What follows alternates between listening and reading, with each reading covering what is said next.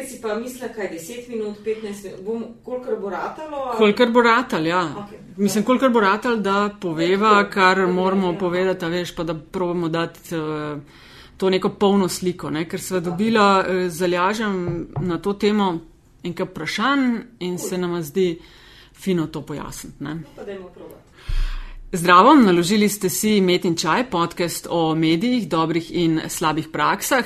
Gostje so profi na svojih področjih, prihajajo iz medijev ali pa so z mediji konkretno povezani. Moje ime je Nataša Briški, vodim imenitno ekipo Metine liste in to je posebna epizoda Metinega čaja. Zato, ker sva, kot sem že rekla, Zalažen dobila kopico vprašanj uh, na temo ali pa namigov naj posnameva epizodo, v kateri bi razložili, kakšna so pravila igre, ko gre za razna referendumska in volivna soočenja, ki jih prinaša, prenaša nacionalna televizija RTV, kdo je lahko v studiu in zakaj. Uh, k temu so seveda naj spodbudila soočanja pred referendumom o drugem tiru in tista, ki v letu polnem volitev še prihajajo, nedvomno jih bo še velik in obise jih iz ozadja bova poklepetali z Ilinko Todorovski, kolegico, ki, um, Ilinka, koliko soočen si vodila? Ojoj. Na to vprašanje se pa nisem pripravila, ampak v bistvu nekaj sem jih vodila kot novinarka, potem pa po moje uh, uredila iz ozadja kot vodja projekta pff, 20, Mhm. še več. No. Vsekakor nekdo, ki uh, ve, kaj se dogaja, ve tudi, kako je bilo, ko so bili kakšni drugi zakoni, pa kakšnim pravilom ste uh, zavezani na RTV-ju uh, zadnje dobro desetletje. Ne? Zdaj pa si v vlogi varohinje pravic poslušalcev in gledalcev, tako da uh, prava oseba, da bomo probali razložiti vse tisto, kar eh, ljudje mogoče ne vejo ali pa jih muči eh, in pojasniti, zakaj je tako. Jaz ti iskreno takoj na začetku povem, se sem vmes enega tedni uh, tvitala ali na Facebook dala, men se iskreno rečeno, kolegi in kolegice, me rahlo smilte, ker se mi zdi, da je zakon, kakršen je, vas postavlja v zelo neugoden položaj. Ne? A je takšno razpoloženje v bajti?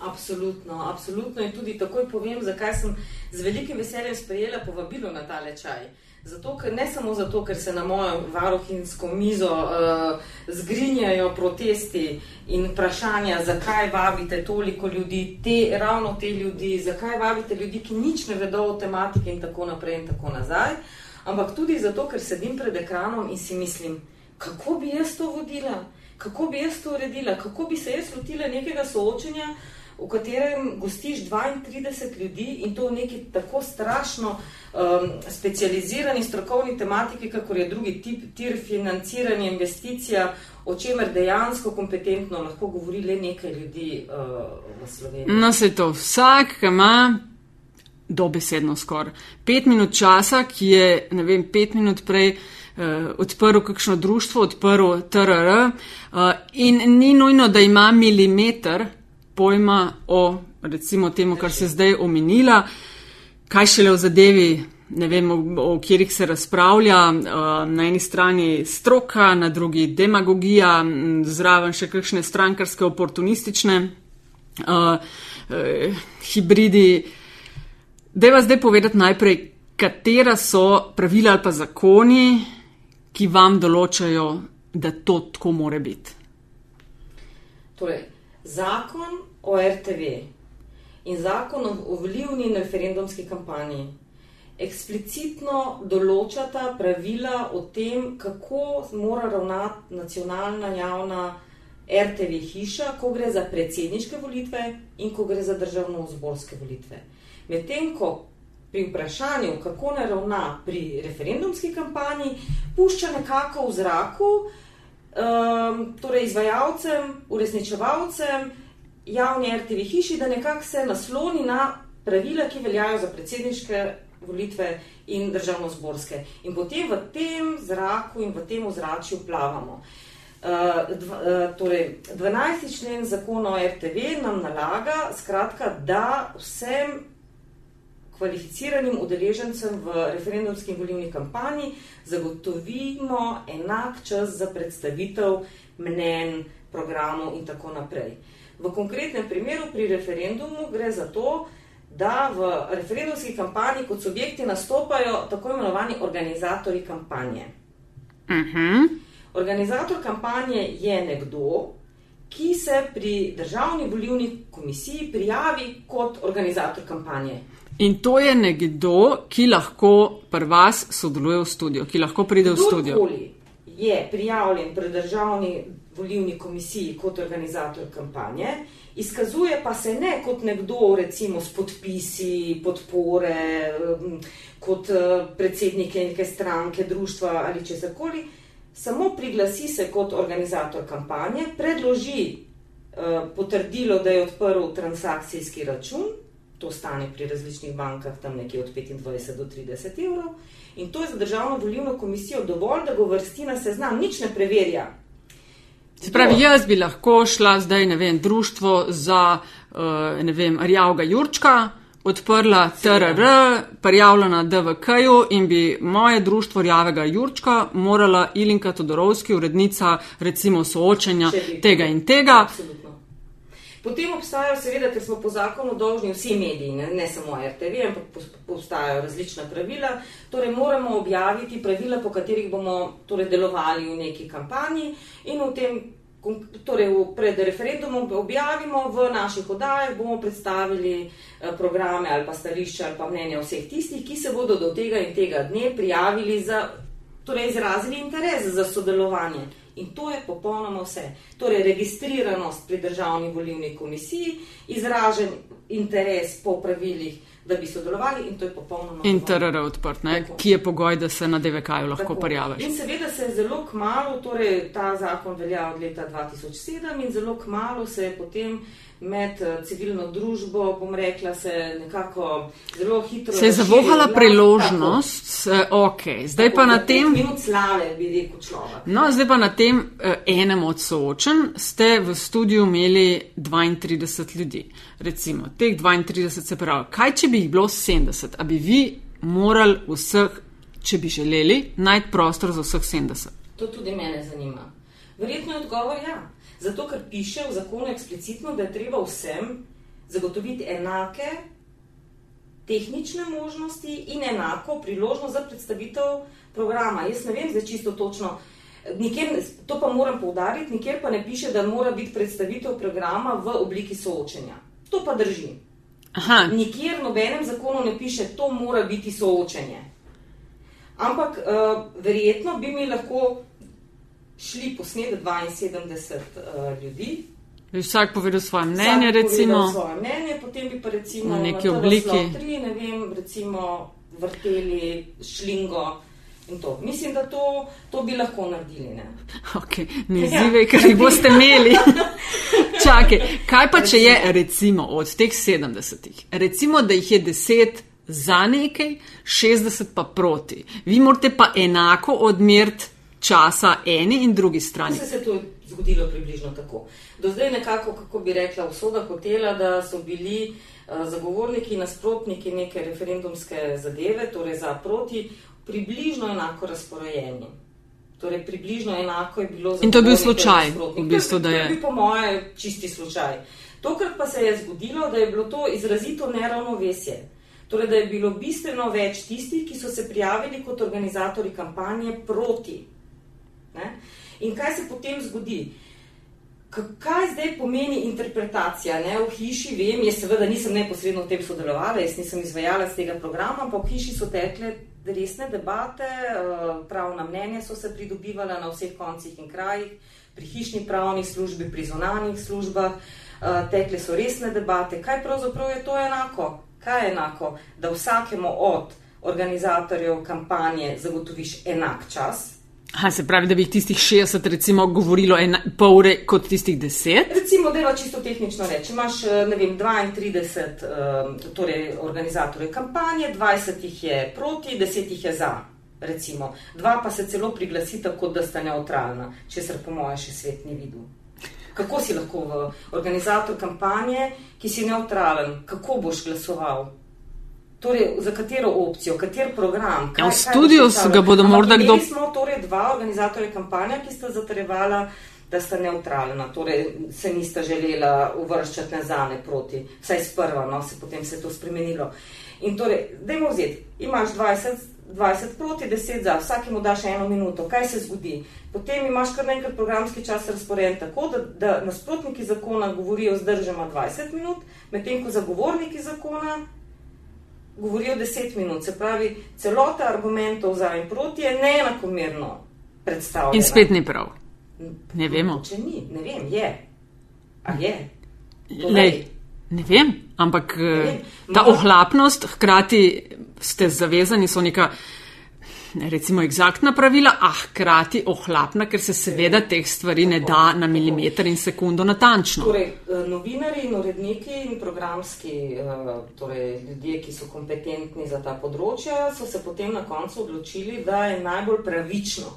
Torej, verjetno je treba vedno slediti pravičnosti. Torej, odločili so se, da je najpravičneje tako, da se omogoči zagovornikom in nasprotnikom vsakemu pol časa. Seveda pa to posledično pomeni, da potem imajo tisti, ki so v skupini z manj akterji, manjša, več, ja. več časa, razumem za in ja. drugi nasprotno. In potem se zgodi, recimo po prvem soočenju, da, da varohu pregori eh, telefon zaradi tega, ker ljudje kličejo in sprašujejo, zakaj ste gospe te in te, torej v konkretnem primeru vidi Petrovčič zakaj si ona dovoli, da ljudem jemlje tako uh, radikalno besedo uh, sredi stavka. A si skratka morala dežurati med temi soočenji? Ne, ne. Ampak so pa bili telefoni, Seveda, maili. seveda. Ja, maili, telefoni. V tem, po tem prvem soočenju, skratka, je bila večina vprašanja sko, skoncentrirani na, na to, torej, zakaj ste imeli toliko ljudi, seveda to je. Ok, to so zdaj povedali, zato ker Potem bilo morate. Vprašanje, zakaj so tisti, ki so za, lahko povedali več stavkov, medtem ko so tisti, ki so proti, lahko povedali samo pol stavka, in zakaj je voditeljica tako radikalno spoštovala štoparca. Sekunde, ja. Ne, sekunde. In potem to pojasnjuješ in se zapleteš v vlastno pojasnjevanje. Ki je Ker seveda. na koncu, pravzaprav, ker vse, kar pojasnjuješ, je v nasprotju z zdravo pametjo. Ker, je, ker namreč vse, kar pojasnjuješ, vsa vsebina, ko sam sebe poslušaš, tudi zdaj, ko to govorim, je v bistvu že nekje na robu nekega absurda. Se namreč izkazuje naslednje, da, da so v bistvu te zakonske podlage, ki so nastale zato, da prisilijo mediji, da zagotovi pluralnost, demokratičnost, da, da javnosti v javnem interesu predstavi vsebine tako, da bodo popolnoma, popolnoma zavestno lahko sodelovali v demokratičnem procesu, da bodo razumeli, zakaj sodelujejo in kako in kako se bodo odločili. Ampak v bistvu ravno ta zakonska pravna norma je zadevo obrnila vlastno nasprotje. Lej, zdaj pa še, še ta stvar me zanima, mislim, še kup stvari, nisva še konc. Uh, Imeli ste že par let nazaj primer troha, Drži. kreča, krečanje, metanje, vem, da sva zalažem eh, o tem tudi posnela. Eh, Trohizacija medijev, mislim, da so celo dala naslov. Uh, o tem posnela epizodo. Zdaj ste imeli na tem soočenju v drugem teru podoben primer. Ne? Uh, ve se vsaj za tega nekoga, uh, da utegnejo biti problematični. A se vi to problematični, už tudi to mal razložila, ne? a se vi to vnaprej pripravite oziroma ste vedeli, da zna biti problem, da je bil varnostnik tam nekje na stand-by? Čisto konkretno lahko odgovorim na vprašanje, kako je bilo pri eh, referendumu o arhivih, kjer se je zgodil tisti incident z gospodom Troho in zdaj lahko pač posredno iz druge roke, kakor so mi pojasnili, povem za tega. Okay. Poglej, pripravimo se na popolnoma vse.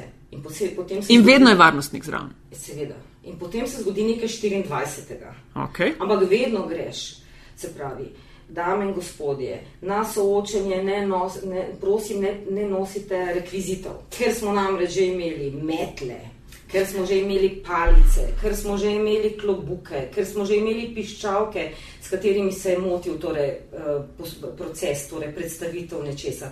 Na vse se predstavljamo. Gledamo pod klobuke, ker smo imeli kandidate s klobuki.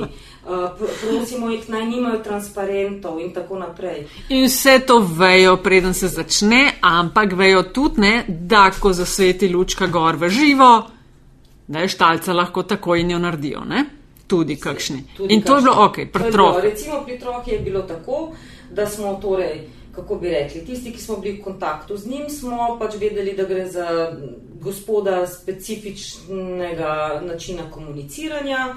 Uh, kot se je skazovalo, recimo tudi skozi proteste in tako naprej. In uh, torej, nismo bili seveda pripravljeni, da, da zdaj bodo pa varnostniki nekako posredovali, pa pripravljeni smo bili, da bi lahko morda prišlo do nespoštovanja časovnih omejitev, do morda recimo neke ostrejše. Uh, retorike in tako naprej. In voditeljica Jelena Aščič eh, in jaz kot urednica v režiji smo bili natančno dogovorjeni, kako reagiramo. Če se zgodi. Seveda pa kdo bi lahko predvidel, da bo gospod vstal in začel metati dokumente, kričati in groziti in tako naprej. In v tistem hipu pač pade hipna odločitev. V tistem konkretnem primeru je padla hipna odločitev, da smo zatemnili, končali torej, ne, za nekaj uh mhm. -huh. trenutkov predvajanje. V tem času ni bilo treba nikomu nič storiti, ker je gospod zmetal še vse papirje, kar jih je imel, se obrnil in odvihral sam in zapustil prostor. Ko se je to zgodilo, smo zadevo nadaljevali. Po tej oddaji smo resno debatirali, kako ravnati v prihodnje. Zadeva je bila pač bil je nek referendum o arhivih, v tematiko se je, če mene vprašate, v celi Sloveniji zelo kvalificirano poglobilo pet ljudi. Javnost bi pred odločanjem o tem potrebovala nekaj, torej spremljali nekaj zelo resnih, tehtnih, poglobljenih debat, v katerih bi sodelovali tudi strokovnjaki, ki se ukvarjajo s temi tematikami. In kaj se je potem zgodilo? V studiju smo imeli gospoda Eh, troho, imeli smo gospoda Vilja Kovačiča, ki se spozna torej ne samo v drugi tir, ampak recimo tudi v arhive in verjetno torej tež pa še kaj in tako naprej. In ali smo zagotovili svojo, ali smo opravili svojo zgodovinsko in javno nalogo, da smo gledalcem omogočili razumevanje tematike, da so na referendumske nedelje bolj kvalificirano in suvereno odločili, če mene vprašate, ne? Kaj pa zdaj ta, ta zadnji no, primer? V tem zadnjem primeru pa seveda nisem bila zraven, tam je, oddajamo seveda svojo uredniško ekipo in tudi v tem primeru je bilo dogovorjeno, če bo se zgodilo karkoli, pri čemer je pa seveda 32 ljudi na kupu bistveno večji, kako bi rekla, Ma presenke na voditelje. Ja, naprej, seveda, ja. vendar pa je bilo recimo v tem konkretnem primeru, v nekaterih drugih primerih recimo smo tudi že imeli dogovor, če se kaj zgodi, potem ne kamera spremlja zadevo od začetka do konca, zato da bo javnost vedela, kaj se dogaja in potem se ni nič zgodilo in potem to ni bilo potrebno, razen recimo kakšna bolj pitoreskna zadeva, kot je odkorakanje gospoda Črnača iz studija pred državnozborskimi mm -hmm. volitvami ker je pač eh, tako protestiral. Um, no, tu so se pa odločili, da če se karkoli zgodi, da glavna kamera tega ne pokaže, da pa druga kamera seveda to zabeleži, zato če bi bilo kdaj to potrebno. No, in zdaj tisti naši gledalci, ki so spremljali to oddajo, vedo, da niso videli, kaj na tanko se je zgodilo, razen da je bil gospod odstranjen. Uh, Dočim tisti, ki so želeli, so lahko na spletnem mestu rtvslo.si videli posnetek te druge kamere, eh, torej kako so varnostniki opravili celo zadevo in po, torej po kvalificiranih mnenjih, ki jih je hiša pridobila, so varnostniki ravnali natančno po kodeksu, kot se pač mm -hmm. te zadevi skrivajo. Zdaj, ok, te, te zakone in tako vam natančno določajo, koga v studiu, zakaj koliko sekund. Uh, kaj vi, uh, a je kaj, ne vem, kar pa vi ne smete narediti? Ne vem, uh, te. Recimo, mis, recimo je, kot, kot recimo urednica sem že razmišljala o tem, da bi enostavno šli v nekem trenutku v zadevo in da pač povabimo v studio samo uh, torej organizatorja, torej, se upravičujem, um, pobudnika referenduma in seveda nekoga, ki je zagovornik zakona, se pravi, to je vlada na drugi strani. Recimo. To in potem mogoče celo se njim prepusti, da predlagajo goste, recimo iz stroke, recimo, ki bi ja. lahko zraven kibicirali ali pomagali v tej neki debati, in da enostavno se zavestno odločimo, da kot javni zavod lahko javni interes zadovoljimo samo tako, da resnično nedvoumno pokažemo. Ok, strokovnjak za, en na, na eni, pa na drugi. Za in proti. Ampak kako pa tukaj odgovarjamo na zahtevo enakosti? Ne? A bi morali tvegati, da, da pride do neke tožbe, do izpobijanja take odločitve in da potem pride pra, do pravne prakse, ali kako? Ker namreč nekdo bi moral ta zakon spremeniti. Ne? Nekdo bi moral ta zakon napisati nedvoumno. Če me vprašate, bi v tem zakonu morali pisati, tako kako piše recimo pri, za predsedniško kampanjo, piše, da morajo imeti vsi kandidati enako možnost. Pri državno-zborskih volitvah piše, Eh, da eh, torej predsedniki strank, da se različno obravnava parlamentarne in neparlamentarne, kar je seveda spet posebno poglavje debate, o katerem mogoče lahko še pa rečemo ali pa tudi ne. Uh, Medtem ko pri referendumu piše, da je samo treba zagotoviti enak prostor in enak čas in enake pogoje. In to prpele na koncu. Mi pa smo predstaviti to. Ne moramo pa reči, mi ne bomo nič imeli. Ne? Res pa je, da zakon ne piše v kakšni obliki. Ja. No in pol se zgodi, tako kot je, si predstavljam. Uh, Dobite jih od uh, vem, teh, ki zagovarjajo, oziroma so proti, Seveda. dobite jih od gledalcev. Seveda. Ampak da se razumemo, recimo kot urednici ali pa tudi zdaj kot varuhini, mi je še najmanj težko odgovarjati na to, ne vem, če kdo iz vlade reče, ste nas postavili v situacijo, da smo morali z nekompetentnimi sogovorniki uh, debatirati, recimo, če bi se to hipotetično. Ja. To mi je še najmanjši problem. Najve, Ali pa recimo, da rečejo tisti, ki so, ne vem, nasprotniki, rečejo, a veste, to so nam infiltrirali iz druge opcije, ne, so namenoma registrirali več nasprotnikov, zato da, bilo, da smo mi imeli manj možnosti. Le, to mene še najmanj skrbi. Mene najbolj jezi to, da dejansko, dejansko z, z neko. V neki popolnoma, da smo v neki popolnoma absurdni situaciji, ko je vsakemu malčku vrtcu ko je vsaki gospe gledalki ali pa uh, ne vem, ljubitelju športa, ki ga politika ali družbeno dogajanje sploh ne zanima. Vsakem je popolnoma jasno. Če želiš tematiko predstaviti, jo moraš predstaviti tako, da bomo vsi razumeli, ne pa da daš pet minut uh, priložnosti nekomu, nekomu da, da tam sedi in se predstavlja to kot, uh, kot ne vem kot, kot, kot vrhunac demokratičnih procesov, ker smo vsem dali enake možnosti. Mm. No, se delno si že pojasnila, eh, enaka pravila veljajo v bistvu za, za volitve, ne, eh, za se pravi predvoljivna soočanja, za uh, referendume je pa pač nekje v zraku, ampak se poskušate približno tega držati. Ja, zaradi tega, ker je zakon ostal nekje na pol poti. Piše, ne, piše, da RTV Slovenija mora pri referendumski kampanji ravnati v skladu z 12. členom, ki opredeljuje torej, konkretneje eh, predsedniške volitve in državno-zborske, in tam potem iščeš to neko analogijo in se skušaš nekako noter temu približati. No, to boste pa, to pa prihaja v naslednjih dneh, ja. ne, predsedniške ja. volitve, pa državno-zborske, pa mm. da ne govorim na vidiku kmal tudi ja. uh, lokalne volitve in potem bomo že uh, dvakrat gremo spat, pa smo na evropskih volitvah. Uh, povej na kratko še uh, za volitve. Za volitve pa veljajo, če, so, če je parlamentarna stranka eno, če je neparlamentarna drugo. Ne? Da, to so, to so državno-zborske volitve. Ja. Tu je največja težava v tem, prvič, da zakon opredeljuje, da je treba predstavitve mnen opraviti tako, da se parlamentarnim strankam zagotovi dve tretjini časa, medtem ko se neparlamentarnim strankam zagotovi ena tretjina časa in to v ločenem programskem pasu. Zakon, torej ta, Se pravi, parlamentarni ima eno soočenje, ne parlamentarni drži, drugo. Drži. Uh, menim, da je bila intenca zakonodajalcev ta, da se pač uh, sebi, torej Ja, ja, ne boste nam vi jemali sekunde. Ne bodo neki ma, mali tam te majhne satelitske mičke, ne strankice, nam ne, nekakje male prostor, ko bomo mi resno debatirali. Ampak slovenski politični prostor se tako spreminjal, ne? od teh starih tradicionalnih strank ni več tako rekoč. So liste, tako. Sluha, pojavile ja. so se liste, razdrobile so se nekoč velike stranke, ki so se zdele neuničljive, recimo.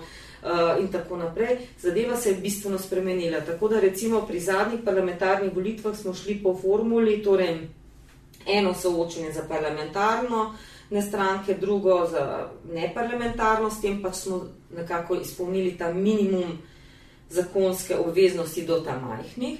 Potem so naredili pa še eno soočenje, na katerem so bili pa predstavniki vseh strank. Ampak to drugo je bilo že v bistvu dejansko bolj podobno tržnici, kakor pa resni politične debati. Iskreno povem.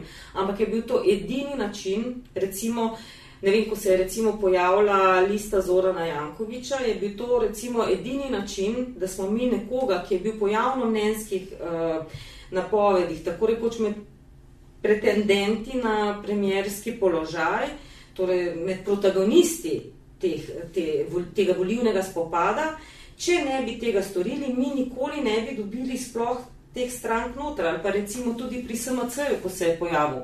Kako bi ti SMC pripeljal uh, na soočenje, recimo?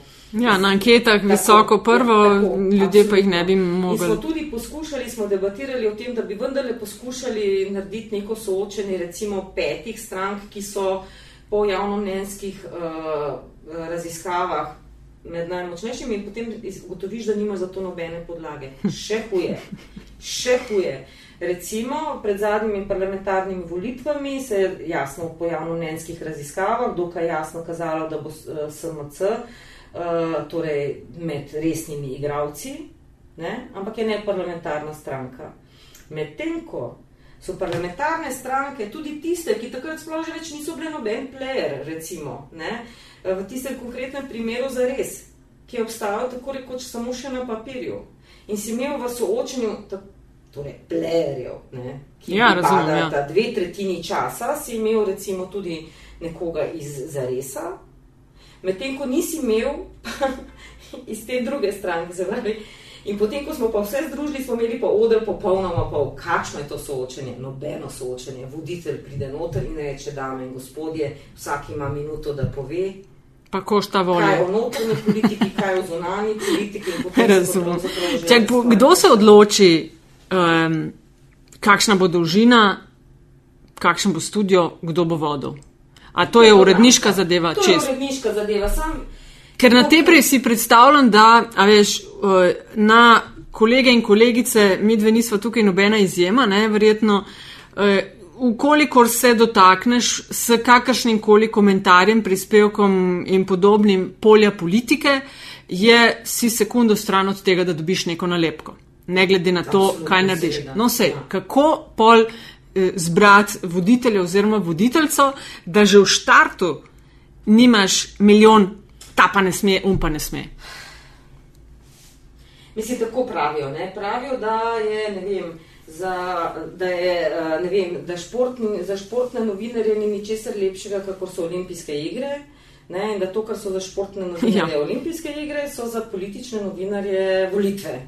Ampak povem po pravici, da v zadnjih letih se je to tudi obrnilo svoje nasprotje, ravno zaradi teh nekih, eh, torej zaradi tega, ker, ker je veliko krat, ne vem, voditelj neke oddaje, tako kot zadnji ste slišali neko metaforo, ki je dokaj smešna, ampak ne vem, voditelj je kot srna na jasi, v katerega potem vsi streljajo z vseh koncev. Ne? In, in torej udeleženci debat v studiu in torej uh, uredniki in uh, tako naprej, predvsem pa javnost ker so vsi potem najpametnejši. Le kako ga je vprašala, ga ni vprašala, bi ga morala vprašati, model ni dala pod vprašanja. Hočeš reči, da se.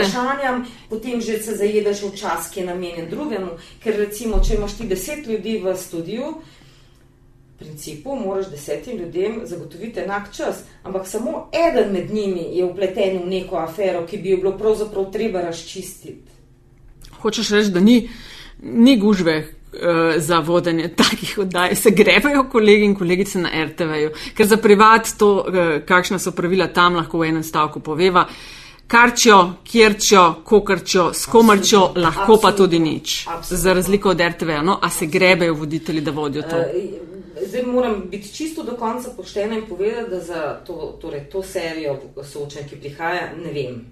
Ne vem. Okay, ne se sprašujem tako na splošno. Globalno, moram pa reči, ja, kje si pa mene našla. Ne, to je to, kje si mene našla. Kako bomo pa naredili, da bo dovolj zanimivo? A bomo lahko vprašali, kar želimo vprašati? Ne? Strašno, strašno težko. Ne? In potem pa, pa iščemo neke formule. Po, potem, kaj pa, če bi imeli samo ena na ena? Potem narediš soočenje ena na ena, torej voditelj, kandidat. Potem v bistvu ta voditelj nekoga sprašuje o tej tematiki, drugega pa o drugem, seveda individualno, glede na to, kaj ta človek v političnem prostoru pomeni. In potem zelo hitro priže do tega, da je zgodil se medijski umor, ker tisti ljudje. Ja, ja, to je seveda. Ampak zdaj, če to na zasebni hiši gre, v zasebni eh, medijski hiši gre to nekako zraven.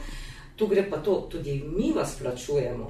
Ko vas že plačujemo, bodite enaki do vseh, ne vem kaj. Potem se odločiš za neko formulo, pa nažrebaš nažrebaš tri ljudi skupaj. Ampak potem se ti veš, kaj se zgodi, ne? da potem ta glavni, ki bi se pa morali med sabo. Pa, ja, ja, ni ni za res tiste debate, ki jo rabimo. Če gledalec in reče, ali pa gledalka in reče, a ste vi že, zakaj pa ne gledate nemške televizije? Na nemški televiziji se soočita samo dva glavna pretendenta na kanclerski položaj. In si rečem, nič mi ne pomaga. Ja. Nas jih bo, kolikor je parlamentarnih, mi že zdaj vemo sedem parlamentarnih, torej ne bo sta dva v studiu, ampak bo najmanj sedem parlamentarnih iz, torej iz državnega zbora. Že zdaj lahko povem, da imajo status parlamentarne stranke tudi tiste stranke, ki imajo svojega poslanca v Evropskem parlamentu. To sta še dva zraven, torej SLS in stranka. Ja. Torej, devet imamo že zagarantiranih. No, upava, zalažem vsekakor upava, da lahko bo vas to eh, epizodo mogoče pojasnila eh, skupaj, zakaj je temu tako, kot je. A je kdo ste bili, kdaj? Eh, recimo, prosti, predsedniške, predsedniške volitve, ki bodo pred državno zborskimi, ja. osem kandidatov bo verjetno, ja. ne? Kakšna debata lahko, resna debata o perspektivah, o razvoju, o ključnih, ne vem, nekih mejnikih, ki so pred nami, recimo Slovenija 2040. Vemo, da bomo 2050 srečni. Recimo, to vemo. Okay. Kako boš ti to debato izpeljal z osmimi ljudmi v studiu, pri čemer mora imeti vsak enako sekund na voljo? A, a sekunde vam štejejo? Dobite po oddajah teh soočenih katerih, katere koli sorte. Eh, Oni ste dali, ne vem, 46 sekund, nam pa 43, še tri nam boste vrnili. Tako rekoč, no, ampak moram reči, da seveda mi to sami štopamo. Ja. Seveda tudi uh, torej sodelujoči vodaje vidijo na zaslonu, imajo, vidijo, kako jim teče čas, se držijo. Uh, niso pikolovski do te mere, da bi rekli ena sekunda, dve sekunde. Opazijo pa, tistemu ste takoj vzeli besedo, temu ste dovolili, da stavek dokonča. A je kakšna sodba že padla na ta račun? Je kakšna, obstaja kakšna sodna praksa? Ne, ni. Ne.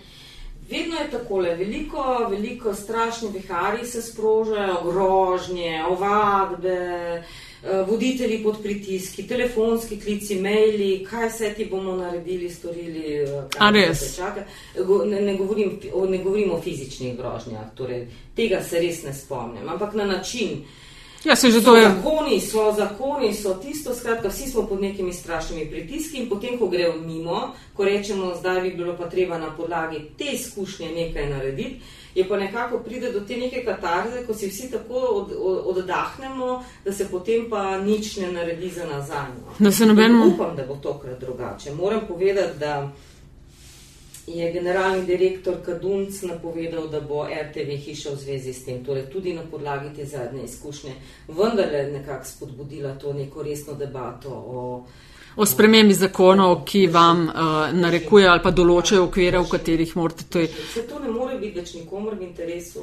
Ja, zdaj te zakone, kot si omenila, od, od 2.7 uh, oziroma zakon o RTV, mislim, da od 2.5 dalje, tako, ne, ja, za ja, pol, ok, kakšne posodobitve. Tako.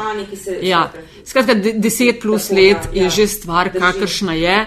Uh, Koliko je po tvojem verjetno, se mi zdi, da kar tako nekako splošno mnenje je da to ni fajn. Zdaj, ali so proti, za, levi, desni, umestni, vidijo en kup absurdov in en kup skreganosti z zdravo pametjo. Koliko je verjetno, pa koliko hitro, da se to spremeni? Ok, jaz sem prav te tvegala napoved.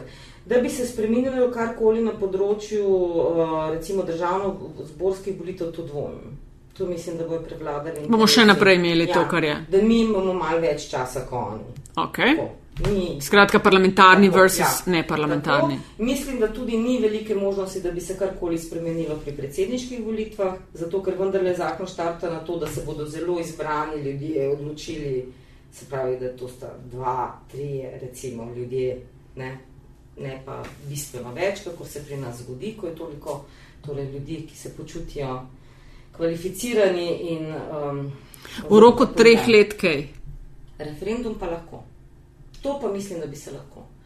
Zadostovalo bi samo do, ta dopolnitev, ki bi, ki bi skratka se glasila približno tako, uh, se pravi, pri referendumski kampanji je javn, javna RTV dolžna uh, predstaviti uh, stališča za in proti in zagotoviti enak čas vem, predlagateljem zakona in predlagateljem referenduma. In znotraj tega, tega se. Kdo more to predlagati, da se to sproži? Ja, ne, se veš, kako je. Če civilna pobuda mora zbirati podpise in potem se nikoli nič ne zgodi z tega, se pravi, v bistvu bi morala kakšno od strank posvojiti to idejo in znotraj torej, državnega zbora bi moralo biti dovolj volje, da se to izglasuje. Jaz zdaj ne vem, v bistvu tega res ne znamo oceniti. Sem preveč v varohovi pisarni, da bi vedela, kako diha teren, ampak se mi zdi, da, da se tudi v tem konkretnem primeru torej, predlagateljem zakona ni bilo ravno fajn soočati z nasprotnim, z tolikšnim številom, podarjam, nasprotnikov zakona. In se mi zdi, da tudi nasprotnikom zakona samim je tudi po pritožbah, jih, ki jih prejemam, pogledajte, mislim, nek strokovnjak, kot je gospod duhovnik, on ni mogel ničesar povedati. Ne? A veste, tako da tukaj celo mislim, da bi lahko bil. Ne upava pa reči časovno. Zdaj, jaz bom tako udivje ugibala v roku leta dni, gotov še Mislim, da nič. je možno. Ali da je možno? Jaz mislim, da bi bilo možno. Če bi volja bila- bi bilo možno. To pa res mislim, da bi bilo. Kaj pa je to? Poglejte, zakon o drugem tiru so tako spravili skozi, ker je bil interes, ne?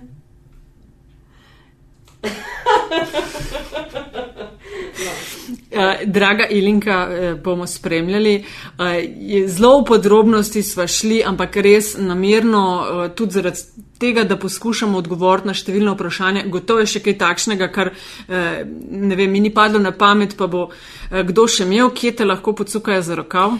Okay, eh, kot varuha sem, me lahko dobijo na elektronski pošti varuh.afnrt.si, lahko me kličejo na telefonsko številko nič 1 475 47 nič nič, tam je tudi odzivnik, če me ni, eh, potem vrnem klic, to sta pač te glavni poti. Okej, bomo- Nisem se še odločila za Facebook, Twitter. Ja, v redu, saj vem. Ampak tisto, lahko samo en disclaimer, ne? nisem pravnik, sem samo praktik in zdaj posebej sem še na nekem delovnem mestu, ki pa celo praktik nisem več. Tako da prosim, če me bo kdo zelo cu- cukal za jezik, da sem rekla kaj takega, ker ni čisto um, torej dikcija iz zakona, no. Ampak se te so tako in tako Ilinka prepuščeni interpretacijam. Lej, pa ti ne hodijo na metinčaj, ne. Zdaj, aha. you wish. Uh, lepa ti hvala. No, uh, se pravi, to so bile koordinate za Ilinko. Uh, če bi kdo imel kakšno vprašanje, bom priložila zraven. Uh, Oba zakona in vse te tvoje številke. Aljaš danes ni bil z nama na posebni misiji, veš, Ilinka, sva začela z še enim podcastom in to je Evropska četrt. Medtem, ko se jaz z mikrofonom podim po Ljubljani, je Aljaš odpotoval v Brusel. Tako da zato tokrat sem jaz pred mikrofonom in še enkrat lepa ti hvala in mogoče še kdaj pa seveda veliko.